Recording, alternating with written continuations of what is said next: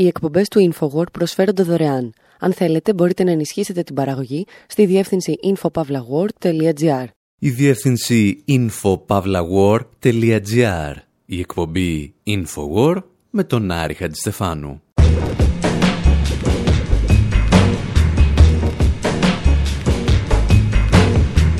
όπου σήμερα αποτείουμε φόρο τιμής στην ιστορική ψυχή των Monty Python. Για την ακρίβεια, σε έναν ιστορικό που ήταν η ψυχή των Monty Python, τον Terry Jones. Τον αφήνουμε μαζί με τον Louis Armstrong και τους Rolling Stones να τραγουδούν για τον πατέρα της αγγλικής λογοτεχνίας. Βάφουμε μαζί του κουνέλια που δεν ξεβάφουν με τίποτα και θάβουμε βαθιά τους μύθους για τον βασιλιά Αρθούρο και τους υπότες του Μεσαίωνα. Αναρωτιόμαστε πώς θα είχε εξελιχθεί η εξέγερση των χωρικών του 1381 εάν στην ηγεσία της βρισκόταν μια αναρχοσυνδικαλιστική κολεκτίβα που συνεδρίαζε δις εβδομαδιαίως. Και ύστερα επιστρέφουμε στη σημαντικότερη κομμωδία της παγκόσμιας ιστορίας του κινηματογράφου, την οποία φυσικά και σκηνοθέτησε ο Τέρι Τζόουνς.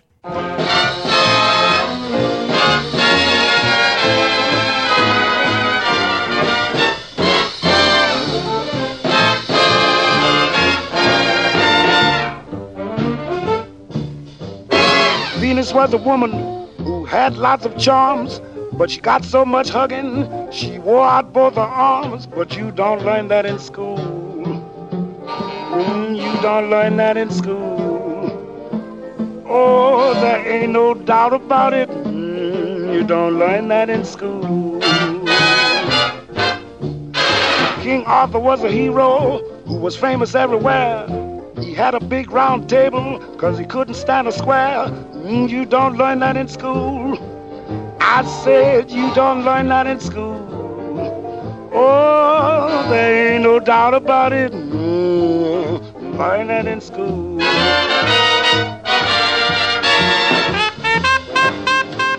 Ο Λούις Άρμστρονγκ τραγουδά για όλα τα πράγματα που δεν σου μαθαίνουν στο σχολείο σε ένα παλιότερο τραγούδι του Nat King Cole.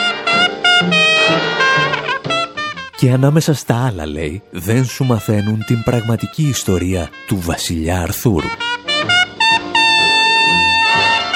Το τραγούδι θα μπορούσε να είχε γραφτεί για τον Terry Jones, το θρηλυκό ιδρυτικό μέλος των Monty Python που μας άφησε στις 21 Ιανουαρίου του 2020. Γιατί πέρα από μέλος των Monty Python, ο Terry Jones ήταν ένας ιστορικός, ο οποίος είχε βαλθεί να μας διδάξει όσα δεν μαθαίνουμε στο σχολείο γενικά και ειδικά ό,τι δεν μας λένε για τον βασιλιά Αρθούρο.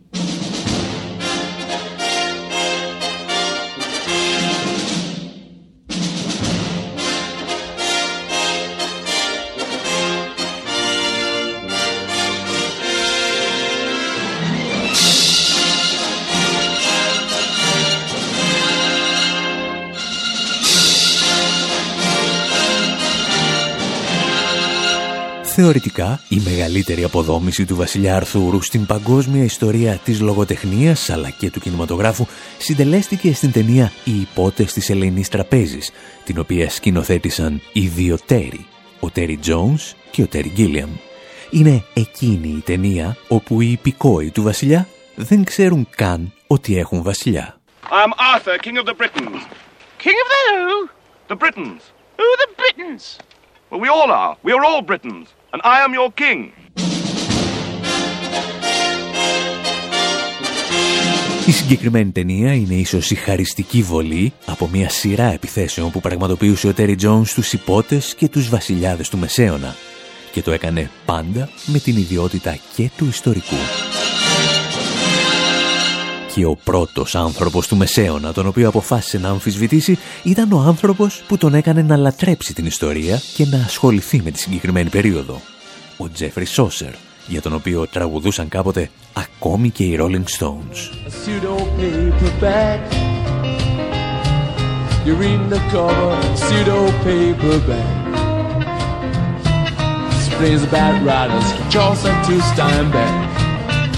All right.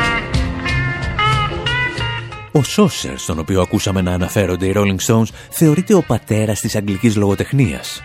Ίσως γιατί ήταν αυτό που θα λέγαμε ο πρώτος δημοτικιστής. Κάπου εκεί, στα μέσα του 14ου αιώνα, πέταξε έξω τις λόγιες γαλλικές και λατινικές λέξεις και αποφάσισε ότι η ποίηση και η λογοτεχνία μπορούν να γράφονται στην καθομιλουμένη. Ο Σόσερ θα γίνει γνωστός από το έργο του «Οι ιστορίες του Καντέρμπερι», στις οποίες μεταξύ άλλων εξυμνεί τα κατορθώματα των γενναίων υποτών. Κάπου εδώ όμως ο Τέρι Τζόνς εξανίσταται. Οι υπότες, λέει, δεν ήταν οι ηρωικές προσωπικότητες για τις οποίες μας μιλούσαν στα σχολεία, αλλά αδίστακτοι μισθοφόροι της εποχής. Τους τα είπε και στο BBC, όταν του έδωσαν την ευκαιρία να κάνει μια σειρά ντοκιμαντέρ για τον Μεσαίωνα. There was once a knight in shining armor handsome, noble and strong. Υπήρχε κάποτε ένας υπότης με γελιστερή πανοπλία, όμορφος, ευγενής και δυνατός. Είχε αφιερώσει τη ζωή του στο Θεό και τον έρωτα. Όπου πήγαινε, έφερε τη δικαιοσύνη και την ευσπλαχνία. Σε πολλές περιπτώσεις έσωζε ανυπεράσπιζε δεσποσίνε που βρίσκονταν σε κίνδυνο και κέρδιζε μια θέση στην καρδιά τους. Σοβαρά τώρα, υπήρχαν τέτοιοι ιππότες στο Μεσαίωνα; Βρίσκομαι στην Ιταλική πόλη της Τσεζένα, όπου θυμούνται τους ιππότες ελαφρώς διαφορετικά. Μια ημέρα, το 1377, μια ομάδα ιπποτών και άλλων ενόπλων εισήλθαν στην πόλη, έκλεισαν τις θύρες και άρχισαν να σκοτώνουν κάθε άνδρα, γυναίκα και παιδί. Σύμφωνα με μια αναφορά, τουλάχιστον 5.000 άοπλοι άμαχοι σφαγιάστηκαν σε μια μέρα. Ο ιππότης επικεφαλής αυτής της σφαγής ήταν ένας Άγγλος, ο Τζον Χόκγουντ. Τι στο διάολο έχει συμβεί στη χρυσή εποχή του ιπποτισμού; What on earth had happened to the golden age of chivalry?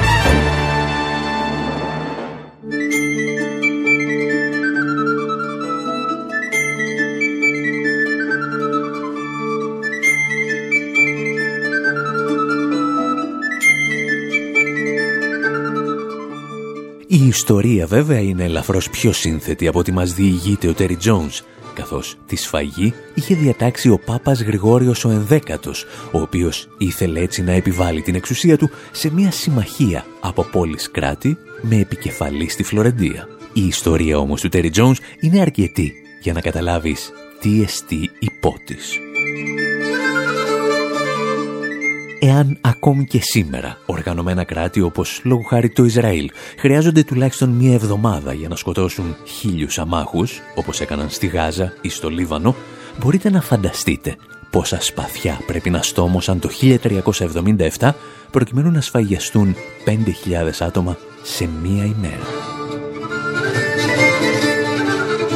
Ο Τέρι Τζόνς θα συνοψίσει την έρευνά του για τους αδίστακτους μισθοφόρους υπότες στο βιβλίο του «Saucer's Night», ο υπότης του Σόσερ.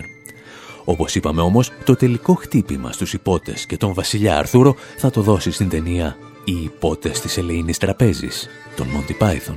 Μια ταινία για την οποία θα μιλήσουμε ύστερα από αυτό. Camelot! Camelot! Camelot! It's only a model. Shh. Knights, I bid you welcome to your new home. Let us ride to Camelot. We're knights of the round table. We dance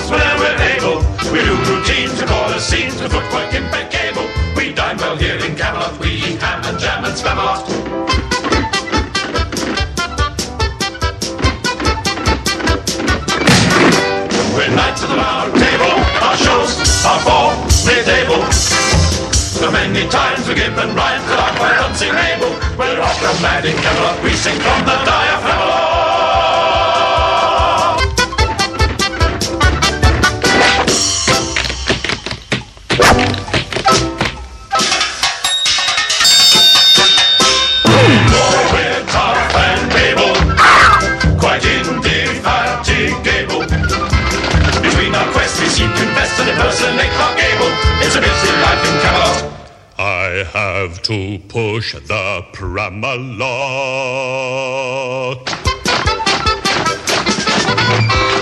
No, on second thoughts, let's not go to Camelot. It is a silly place. Right. Right.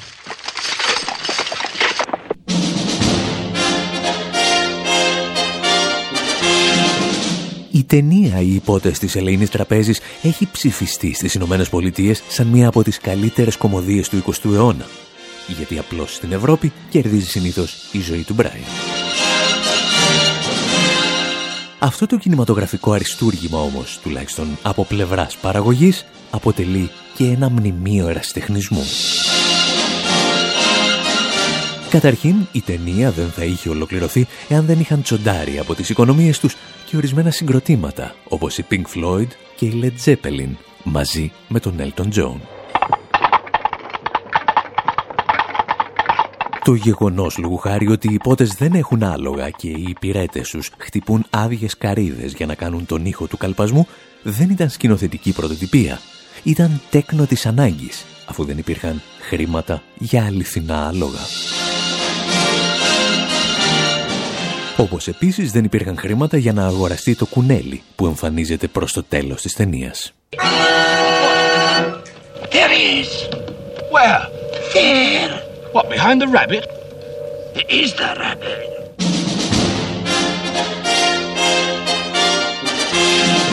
Οι Monty Python αναγκάστηκαν να δανειστούν ένα κουνέλι από μια κυρία, η οποία όμως τους παρακάλεσε να το φέρουν πίσω καθαρό όπως το πήραν.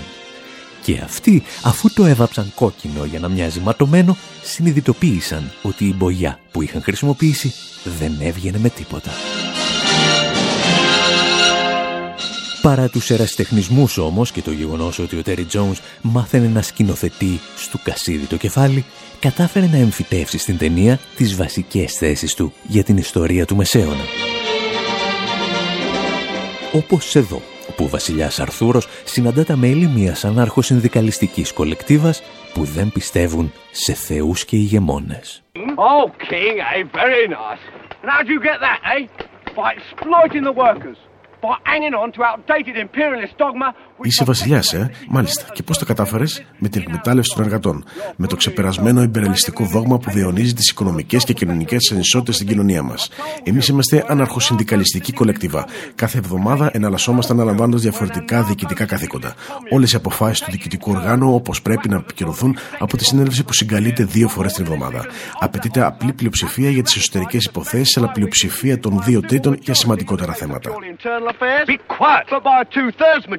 Internal affairs. Be quiet. But by a two-thirds majority in the case of Be quiet.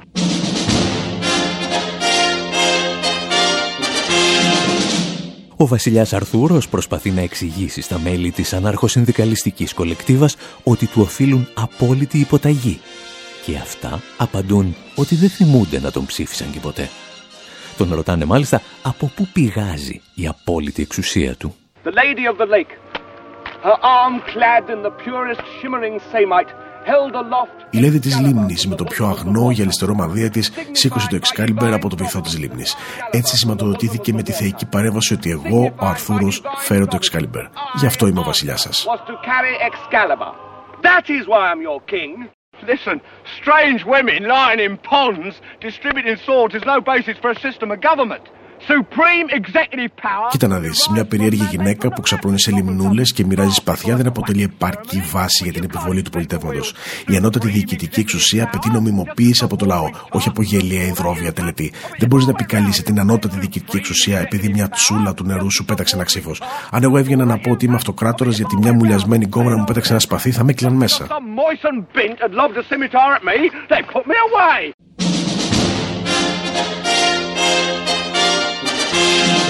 Εκ πρώτης όψεως το γεγονός ότι οι χωρικοί τολμούν να αμφισβητήσουν την εξουσία του βασιλιά και μάλιστα με όρους που παραπέμπουν στην αστική δημοκρατία ή ακόμη και στην αναρχία και τον κομμουνισμό φαντάζει σαν ιστορικό ατόπιμα της ταινίας. Ο Τέρι Τζόουνς όμως μελετούσε ακριβώς εκείνες τις στιγμές που οι φτωχοί χωρικοί αμφισβήτησαν τα πάντα. Όπως εκείνοι οι αγρότες που εξεγέρθηκαν στην Αγγλία του 1381 και τα τραγούδια των οποίων αναβίωσαν μερικούς αιώνες αργότερα η Τσαμπαουάμπα.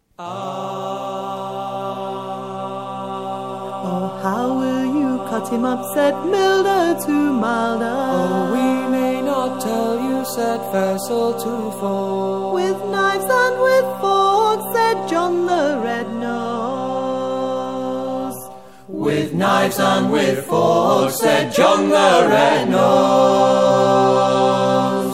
Το τραγούδι «Κάτι Ρεν» που ακούμε λέγεται ότι έλκει την καταγωγή του από το μακρινό 1381 όταν οι αγρότες εξεγέρθηκαν στο Λονδίνο για το χαράτσι που τους είχαν επιβάλει, τον ένφια της εποχής. Και αντί να μην λύσουν τα προβλήματά τους στις κάλπες όπως κάνουν όλοι οι άνθρωποι, αυτοί εισέβαλαν στο κάστρο του Λονδίνου και αποκεφάλισαν τον αρχιεπίσκοπο και βασικό εμπνευστή του φόρου.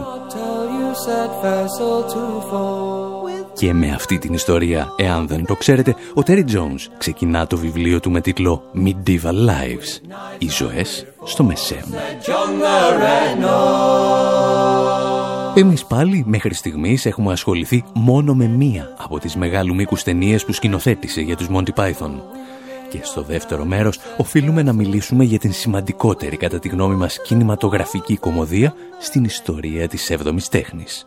Τη ζωή του Μπράιαν. Well, the weather for the whole area will continue much the same as the past few days. Temperatures 17 centigrade, that's 49 Fahrenheit. Winds will freshen later tonight to southwest, force 6 or 7. And there will be showers, sometimes heavy in many. Oh, sod it. I didn't want to do this. I don't want to be a weather forecaster. I don't want to rabbit on all day about sunny periods and patches of rain spreading from the west. I want it to be a lumberjack, leaping from tree to tree as they float down the mighty rivers of British Columbia. The giant redwood, the larch, the fir, the mighty Scots pine, the lofty flowering cherry, the plucky little aspen, the limping rude tree of Nigeria, the towering wattle of Aldershot, the maidenhead creeping water plant, naughty Leicestershire flashing oak, the flatulent elm of West Rislip, the Quercus maximus bamba gascoini, the Evangelus labata huius greenus, with my best buddy by my side, we'd sing, sing, sing. I'm a lumberjack and I'm okay. I sleep all night and I work all day. He's a lumberjack down trees, I eat my lunch, I go to the lavatory. On Wednesdays I go shopping and have buttered scones for tea. He cuts down trees,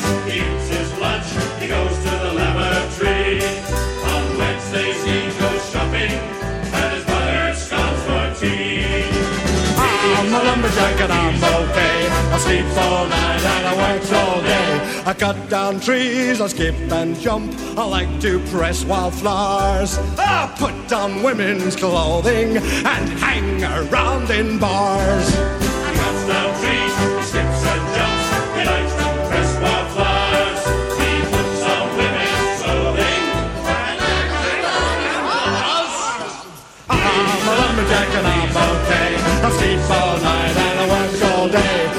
Down trees, trees where high heels suspend and and uproar.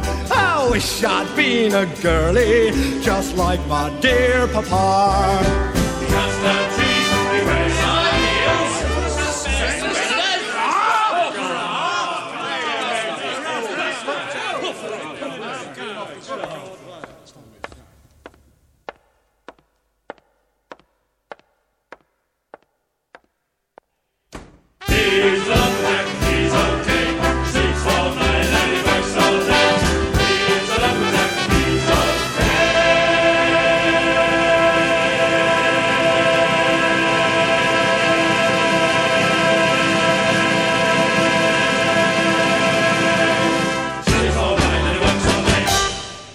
Οι εκπομπές του InfoWord προσφέρονται δωρεάν. Αν θέλετε, μπορείτε να ενισχύσετε την παραγωγή στη διεύθυνση infopavlagor.gr.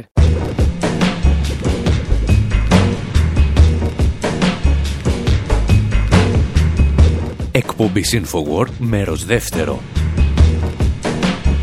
Όπου με αφορμή το θάνατο του μοναδικού Terry Jones των Monty Python θυμόμαστε ορισμένες από τις σημαντικότερες ταινίες που σκηνοθέτησε. Αφού εξάντλησε τις γνώσεις του ως ιστορικός του Μεσαίωνα στους υπότες της Ελεήνης Τραπέζης, έπρεπε να εμπλακεί και στα ξένα χωράφια της θεολογίας, με τη ζωή του Μπράιαν.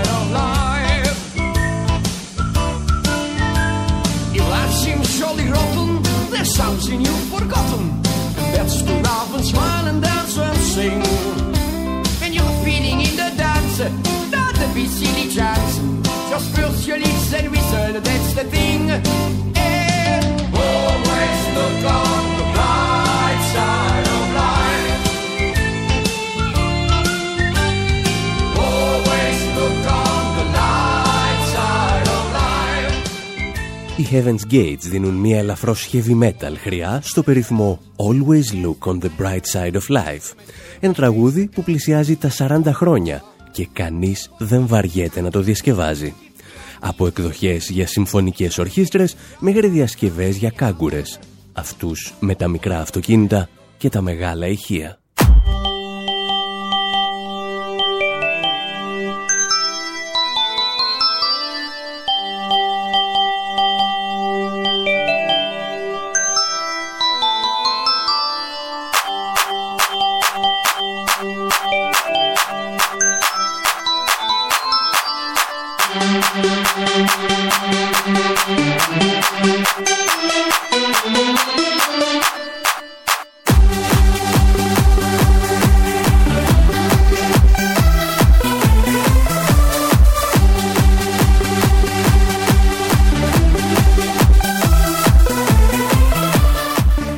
Κάθε Βρετανός έχει τη δική του ιστορία να διηγηθεί για το συγκεκριμένο τραγούδι. Κάποιοι μάλιστα το συνδέουν με αυτό το έκτακτο δελτίο ειδήσεων που μετέδωσε το BBC το 1982. This is BBC One. Now a news report from John Humphreys. Britain has suffered its first major losses in the Falklands conflict. The destroyer Sheffield came under an Argentine missile attack. Η Αργεντινή είχε μόλις χτυπήσει με πύραυλο έξωσετ το αντιτορπιλικό Σέφιλ της Μεγάλης Βρετανίας στον πόλεμο των Φόκλαντ. Και όταν τα σωστικά συνεργεία έφτασαν για να περισυλλέξουν τους επιζώντες, τους βρήκαν να σιγοσφυρίζουν το «Always look on the bright side of life».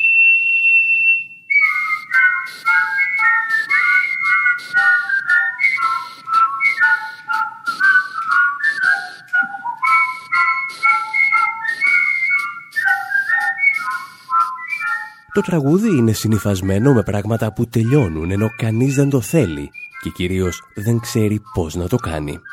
Ίσως γι' αυτό είναι το τραγούδι που ακούγεται στα ηχεία των συναυλιών των Iron Maiden εκείνη τη στιγμή που όσο και αν χειροκροτήσεις δεν θα ξαναβγούν στη σκηνή.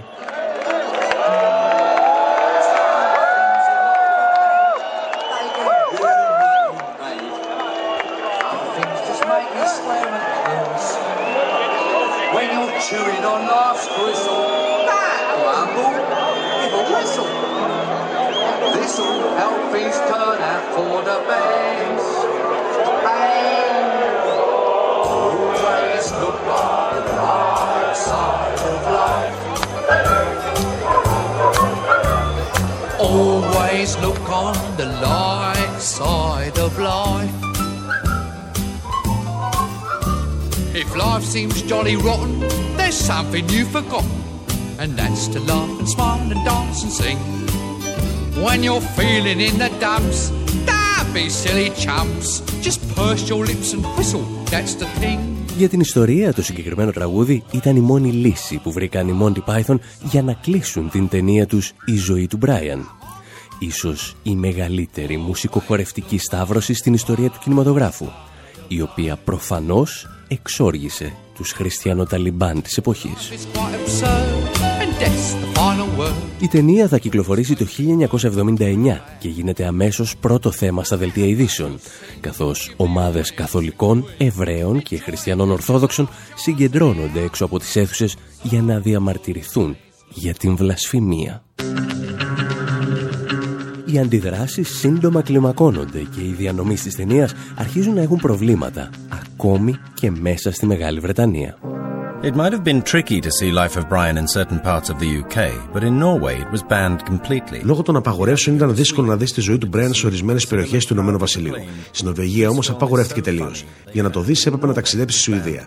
Εκεί και με υπερηφάνεια έγραφαν στα διαφημιστικά τους ότι η ταινία είναι τόσο αστεία που την απαγόρευσαν στην This Νορβηγία.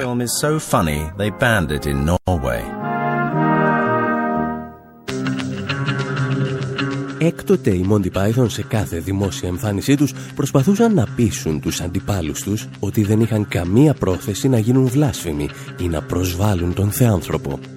Όπως εδώ, ο Τζον Κλίζ αντιμέτωπος με εκπροσώπους διαφόρων δογμάτων στη Βρετανική τηλεόραση. You think that we're ridiculing Jesus, and we say, um, sort of sincerely and truthfully, that that is certainly not what we intended to do. Νομίζετε ότι εξευτελίζουμε τον Ιησού. Απαντάμε απόλυτα ειλικρινά ότι δεν είχαμε ποτέ τέτοια πρόθεση. Αυτό που θέλαμε να πούμε και αφήνουμε τον ήρωα να το πει με τον πιο ξεκάθαρο τρόπο είναι αποφασίστε για τον εαυτό σας. Μην αφήνετε άλλους να σας λένε τι να κάνετε.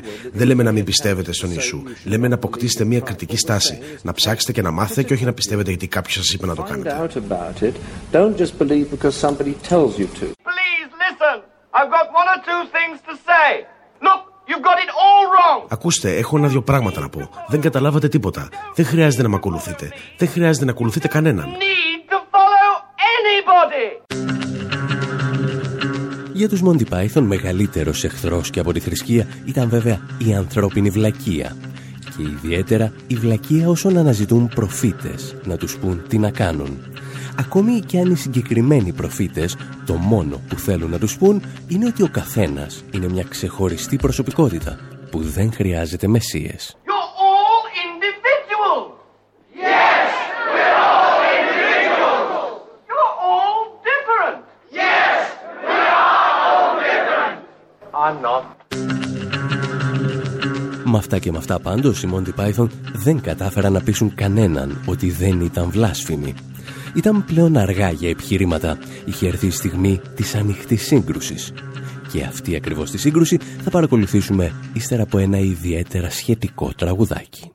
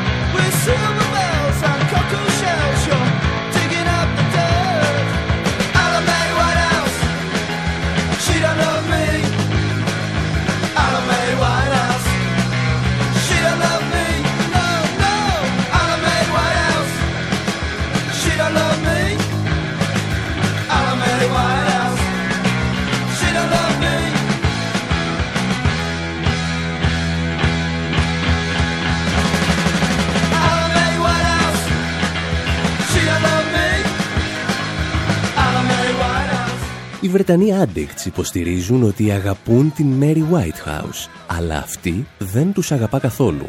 Και όταν βλέπει, λένε, καμιά τσόντα στο BBC, δυσαρεστείται σφόδρα. Όπου Mary Whitehouse ήταν το πρόσωπο του βρετανικού πουριτανισμού της δεκαετίας του 60, του 70 και του 80. Βαθιά θρησκευόμενη πίστευε ότι το BBC και άλλα μεγάλα μέσα ενημέρωσης καλούσαν τους νέους στην ακολασία.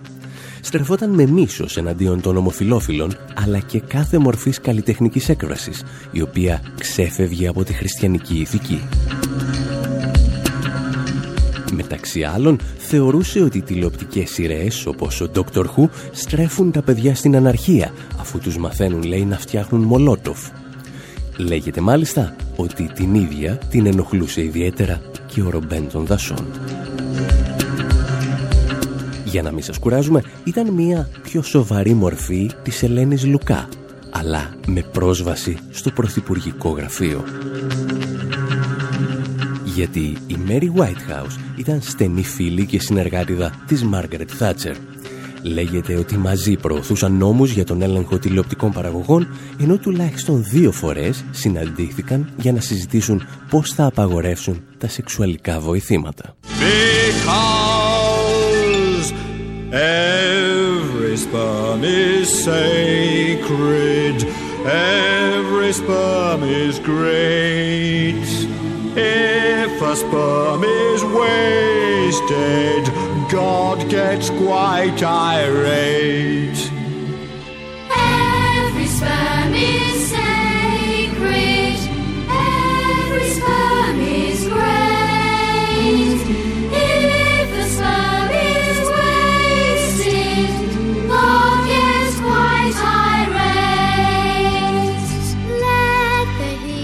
Όπως καταλαβαίνετε, μια ομάδα σαν τους Monty Python που εδώ τους ακούμε να τραγουδούν ότι κάθε σπερματοζωάριο είναι ιερό και αν χαθεί έστω και ένα, ο Θεός τα παίρνει στο κρανίο, δεν υπήρχε περίπτωση να μην προκαλέσει την οργή της Mary Whitehouse.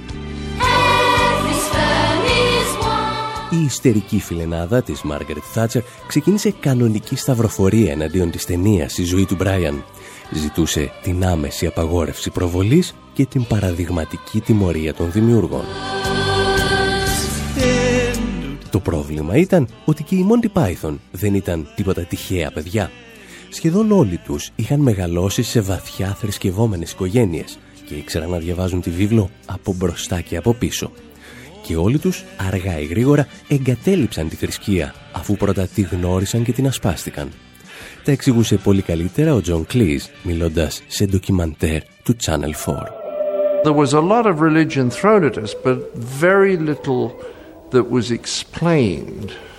Certainly satisfactory. Μας πέταγαν μεγάλες ποσότητες θρησκείας, αλλά δεν μας εξηγούσαν και πολλά. Τουλάχιστον όχι με ικανοποιητικό τρόπο. Όταν δέχτηκα το μυστήριο του χρίσματος, περίμενα για εβδομάδες μια επουράνια λάμψη να με φωτίσει. Και όταν αυτό δεν συνέβη, έγινα φανατικός άθεος και ανθρωπιστής. Στους Monty Python ήμασταν τυχεροί, γιατί είχαμε την ίδια αντίληψη για το τι δεν είναι θρησκεία. Ποτέ δεν συμφωνούσαμε στο τι είναι, αλλά συμφωνούσαμε στο τι δεν είναι. Και αυτό ήταν μεγάλη τύχη. Better got the Pythons to agree on what it was, but certainly we agreed on what it wasn't. And that was lucky. Βαθύτερα θρησκευόμενος από όλους τους Python ήταν πιθανότατα ο Terry Gilliam. Και αυτός έγινε και ο πιο φανατικός άθεος. Όταν του έλεγαν ότι η τελευταία σκηνή της ταινίας «Η ζωή του Μπράιαν» προσβάλλει τον εσταυρωμένο, αναρωτιόταν τι είδους θρησκεία είναι αυτή που έχει σαν σύμβολο ένα σταυρό. I have no sympathy whatsoever. Uh, any religion that makes a form of torture into an icon. Δεν συμπάσχω καθόλου με αυτούς τους ανθρώπους. Κάθε θρησκεία που έχει σαν σύμβολό της μια μορφή βασανιστήριων νομίζω ότι είναι μια αρρωστημένη θρησκεία. σω πράγματι η ταινία να είναι προσβλητική για αυτούς αφού κοροϊδεύει τους ανθρώπους που δεν σκέφτονται για τον εαυτό τους. Αυτό ακριβώς λέμε στην ταινία. Είναι λογικό όσοι δεν σκέφτονται για τον εαυτό τους να εξοργίζονται.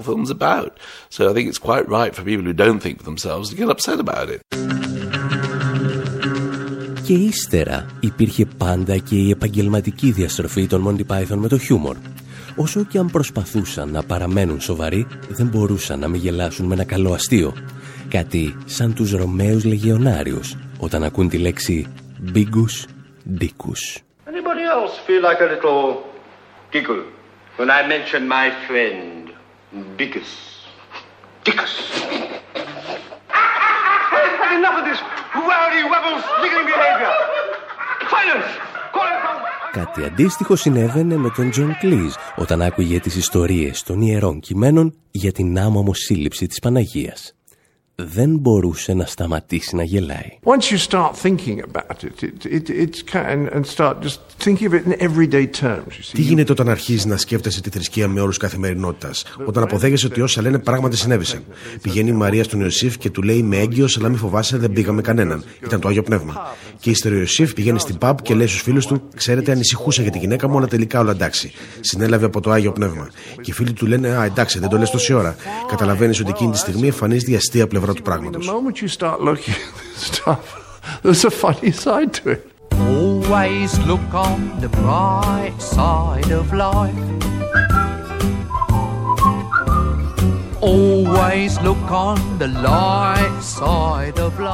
η πολιτική ματιά των Μοντιπάτων, όπως είπαμε, είναι πάντα παρούσα, αν και πολλές φορές δεν είσαι σίγουρος από πού θα σου έρθει.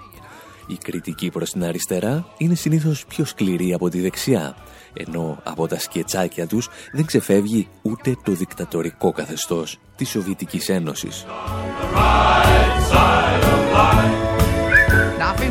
Παρ' όλα αυτά, οι Monty Python θα επηρεάσουν καλλιτέχνες από ολόκληρο το πολιτικό φάσμα σε ολόκληρο τον πλανήτη.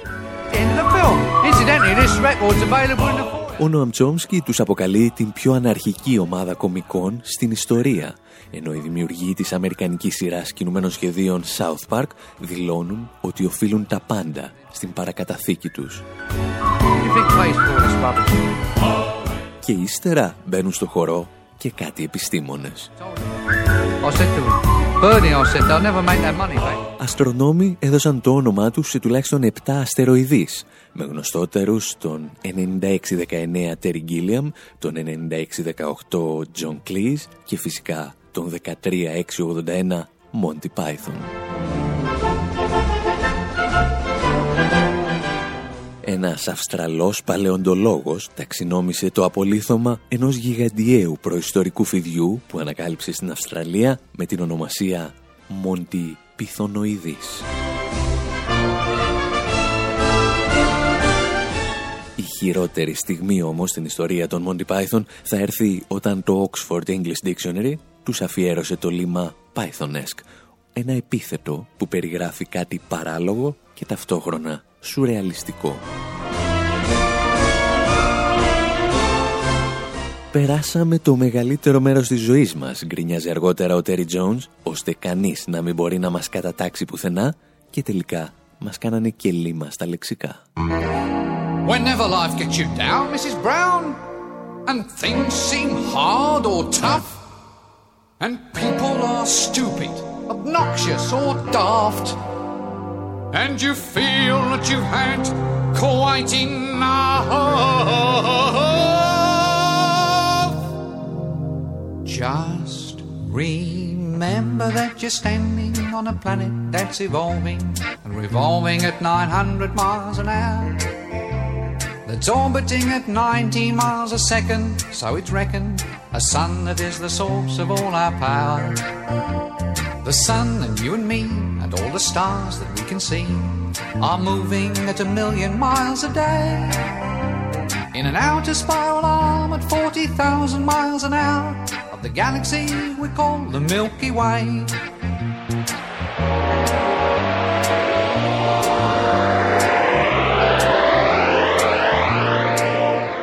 Our galaxy itself contains a hundred billion stars. It's a hundred thousand light years side to side. Bulges in the middle, 16,000 light years thick, but out by us it's just 3,000 light years wide. We're 30,000 light years from galactic central point. We go round every 200 million years. And our galaxy is only one of millions of billions in this amazing and expanding universe. Οι Monty Python θα συνεχίσουν πάντως να εμπνέουν επιστήμονες κάθε είδους για δεκαετίες. Και όταν θα δημιουργηθεί το ίντερνετ θα έχουν και πάλι την τιμητική τους. Η συγκεκριμένη ιστορία ξεκινά και πάλι από ένα παλιό του σκετσάκι. Ένα από τα εκατοντάδες σκετσάκια που θα προβάλλει το BBC, το περίφημο σκέτς του Spam. Ένα ζευγάρι κάθεται σε ένα βρετανικό εστιατόριο γεμάτο με Vikings και ακούει τη μαγείρισα να διαβάζει το μενού. Πάντα γεμάτο με spam. Όπου spam στα ελληνικά είναι το καρικευμένο κρέας σε κονσέρβα. Μια παραλλαγή σε αυτό που στον ελληνικό στρατό αποκαλούμε γκοτσίλα. Uh, egg, sausage and bacon, egg and spam, egg, bacon and spam, egg, bacon, sausage and spam, spam, bacon, sausage and spam, spam, egg, spam, spam, bacon and spam, spam, spam, spam, egg and spam, spam, spam, spam, spam, spam, spam, baked beans, spam, spam, spam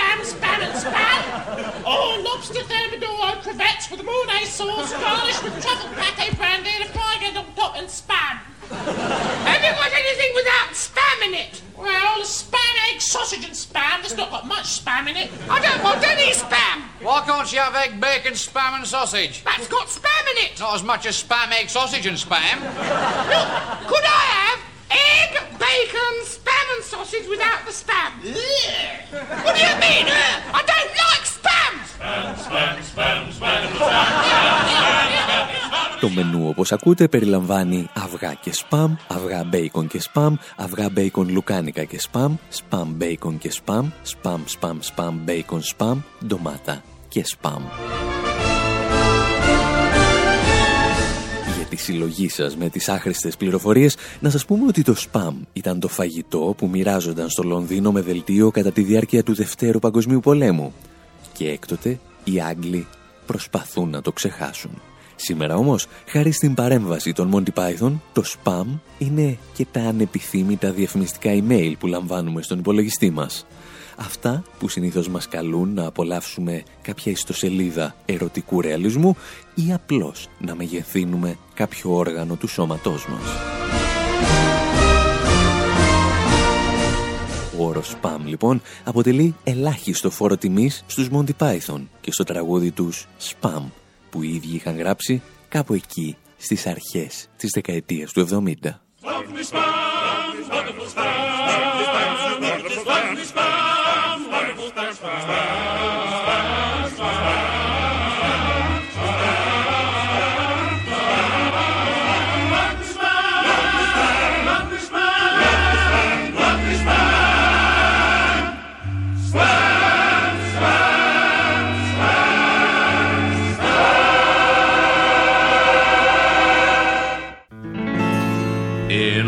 Inflammation of the foreskin reminds me of your smile. Κάπου εδώ όμως εμείς θα σας αφήσουμε και για αυτή την εβδομάδα.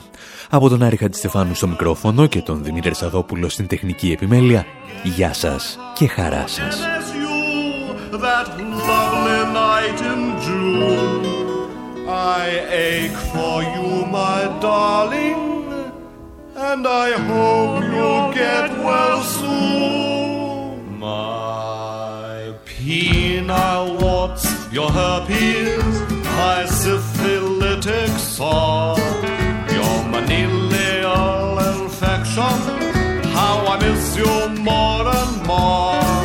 Your dobies itch my scrub books, our lovely gonorrhea.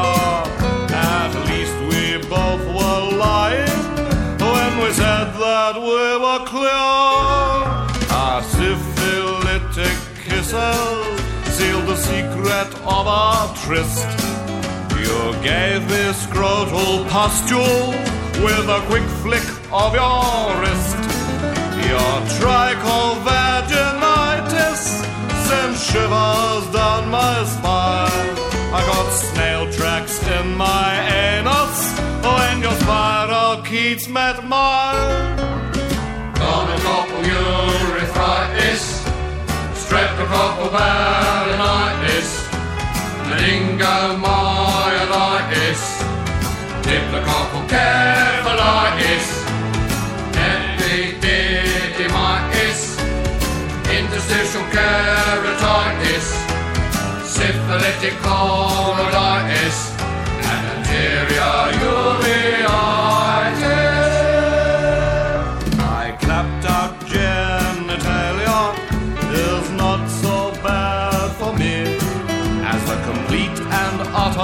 Failure every time I try to pee. My doctor says my pupils are the worst he's ever seen. My scrotum's painted orange and my balls are turning green. My heart is very tender, although my parts are awful raw might have been infected, but you never were a bore. I'm dying from your love, my love. I'm your spirochetal clown. I've left my body to science, but I'm afraid they've turned it down. Gonna couple your refractis, strep the couple ball